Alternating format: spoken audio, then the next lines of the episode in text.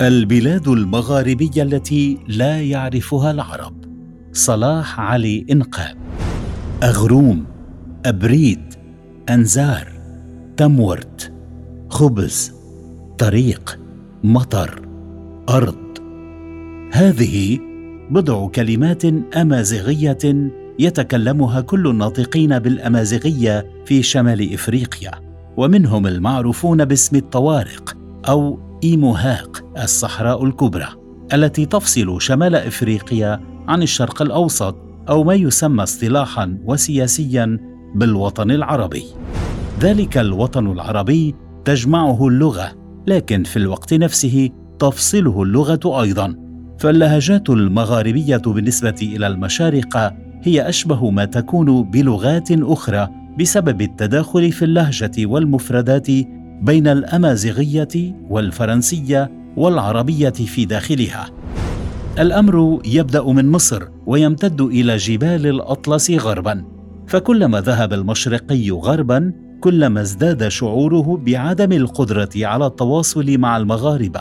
ما لم يقم هؤلاء بتبني لهجة وسيطة بينهم والتي في العادة تكون اللهجة المصرية. فتكون ترجمة كلمات مثل جرانا ضفدع فكرونا سلحفات صمتري صقيع تسارت مفتاح شلغوم شوارب غفة رأس كرموس.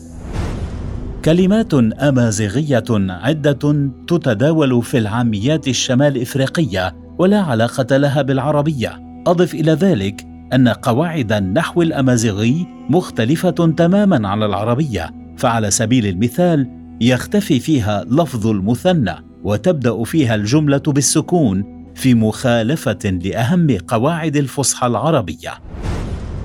الهوة بين المشرق والمغرب. تتسع المسافة بين المجتمع المشرقي والمغربي في اتجاهات عدة تتجاوز اللغة لتصل إلى حدود التعارف والمعرفة أيضا. فالمعلوم لدى المشارقه عن شمال إفريقيا أنه فقط جزء تابع لهم لكنهم يجهلون تفاصيل تركيبته ومشكلاته. مع انطلاق بطولة كأس العالم ظهرت على السطح معالم صراع شمال إفريقي داخلي حول مسألة هوية بلاد المور وهي التسمية التي أتى منها اسم مملكة المغرب الأمازيغي موروكو مور أكوش أو أرض الرب. ومنها اشتقت المدينة المغربية مراكش اسمها. المفارقة أن خارج نطاق الدول الناطقة باللغة العربية تسمى المغرب موروكو أي مراكش في إشارة إلى ازدواجية الهوية التي تمتلكها المغرب وشمال إفريقيا في العموم والتي تنعكس على صراع محلي داخلها. بين المنادين باستمرار التبعية للشرق والمنادين بالاستقلال التام عنه والعودة إلى هوية المور. الثابت أن المغرب الكبير وهي التسميات التي يحبذها الكثير من أفارقة الشمال يكاد يكون معزولا بالكامل عن المشرق فلا يستطيع المشارقة فهم ما يحدث فيه لغياب التواصل بسبب حاجز اللغة اولا وعدم اهتمام المشارقة أصلا بالغوص في تفاصيل معضلاته. فموسيقى الراي لها شعبية في فرنسا أكثر من الخليج العربي حيث لا أحد يعرف أسماء مثل الشاب حسني الشابه الزهونيه ناس الجوان أو محمد رويشة وآخرين كثر. وقبول التعايش السلمي مع اليهود في تونس والمغرب أمر لا يعرفه المشارقة أيضا. إذ يعيش نحو خمسة آلاف يهودي في البلدين فضلا عن أن الجاليات المهاجرة المغاربية في أوروبا تشكل نسبة مؤثرة من تعداد السكان في ألمانيا وفرنسا وبلجيكا وهولندا. الأمر الذي يجعل العلاقة بين جنوب أوروبا وشمال إفريقيا أعمق منها مع الشرق الأوسط خصوصا بعد تكون جيل ثان وثالث أوروبي مغاربي يشكل جسرا لا يوجد له نظير في المشرق العربي. بالإضافة إلى التداخل في حوارات الهوية ابتداء من سبعينيات القرن الماضي بين كبريات دول الوجود الأمازيغي الفصيح ليبيا الجزائر والمغرب والتي يفتقدها المشرق كون مسألة ازدواجية اللغة ليست مطروحة إلا بشكل شبه كوميدي كما هو حال مسألة فينيقية لبنان التي يدور فيها الحديث عن لغة وثقافة لا وجود لها بخلاف الأمازيغية التي واكبت ثلاث لغات شقيقة ماتت جميعها تقريبا الكوشية الأمهرية والقبطية. لتستمر في واقع المجتمع المغربي اليوم تطرح سؤال هوية تسببت في ثورات ربيع حدثت قبل الربيع العربي بأربعين سنة. أمطار الربيع الأمازيغي 1980 عندما كانت تمطر في الجزائر كان القذافي يتبلل في طرابلس. هكذا كان يتردد إبان موجة الربيع الأمازيغي في ثمانينيات القرن المنصرم أو ما يعرف باسم تفوسفيت أن إيمازيغن. وهي وقائع لم يسمع عنها المشارقة بمقدار سماع المغاربة عن الحرب اللبنانية مثلا إذ تسببت في مقتل 136 شخصا وجرح أكثر من خمسة ألاف آخرين.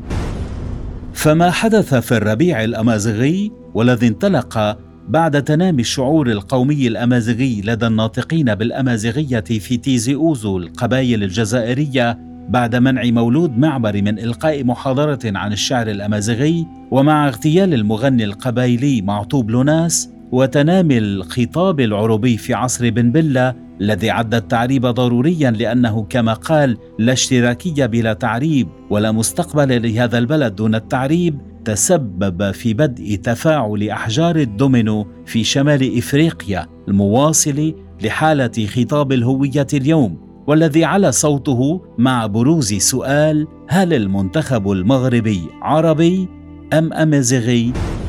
وهذا سؤال استمر منذ استقلال دول شمال إفريقيا عبر صراع محلي ضد سياسات التعريب والمعاداة المعلنة واللغة الأمازيغية كما هو حال زمن بن بلة والقذافي وغير المعلنة كما هو الحال زمن بورقيبة والحسن الثاني. وبعد مقتل الشاب ماسينيسا قرباح يوم الثامن عشر من نيسان أبريل 2001 في الجزائر أو ما يعرف بالربيع الأسود وتأسيس تنظيم تنسيقية العروش في حزيران يونيو من العام نفسه وصولا إلى الاعتراف بالأمازيغية في الجزائر لغة رسمية واعتمادها رسمية في المغرب بعد مظاهرات عيد العمال وبيان رئيس جمعية الثقافة الآمازيغية المغربية محمد شفيق لتصبح جدلية هوية الدولة مطروحة بامتياز حتى في ليبيا ما بعد القذافي. حيث لم تكن المسألة الآمازيغية غائبة في أي من خطاباته الشعبوية والتي وصفها في أحدها سنة 1985 قائلاً: الآمازيغية إن كانت أمك تدربك عليها فهي رجعية ترضعك حليب الاستعمار وتسقيق السم.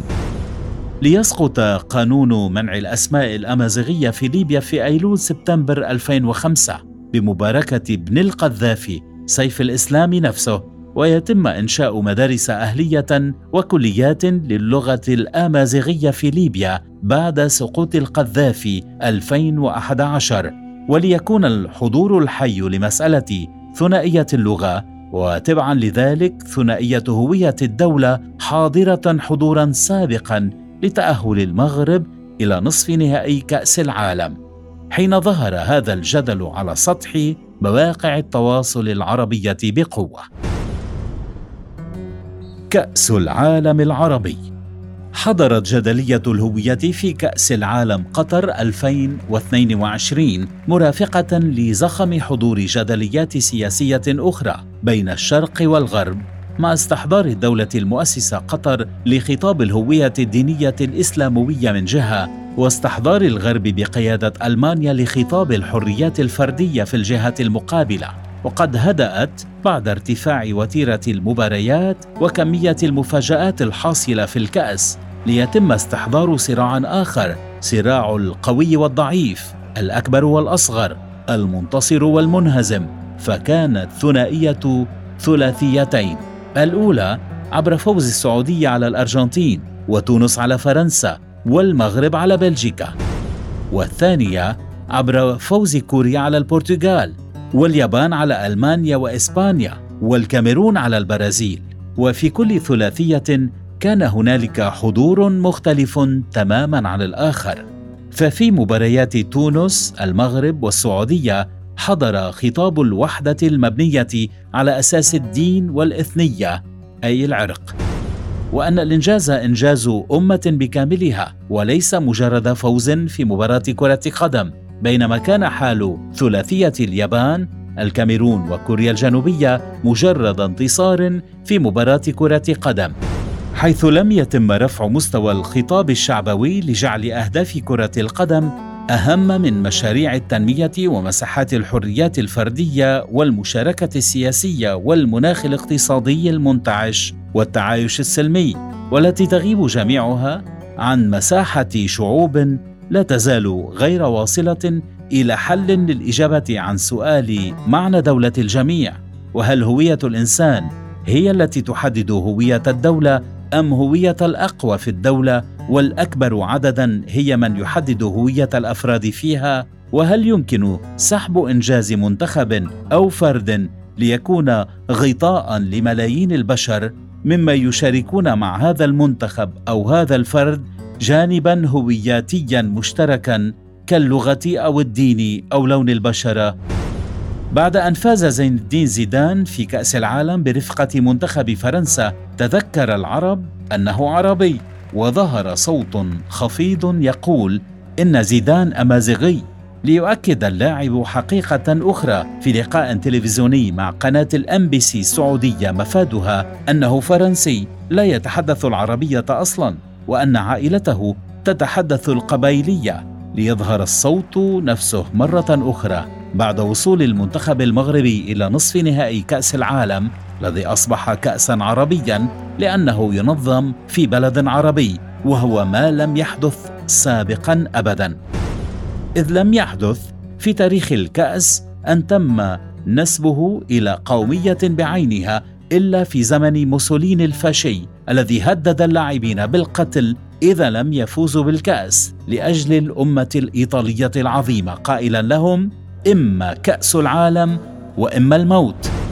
لتفوز إيطاليا بنسختي كأس العالم 34 و 38 ولتكون كأس عالم قطر كأس عالم فاشية أخرى في واقع الأمر.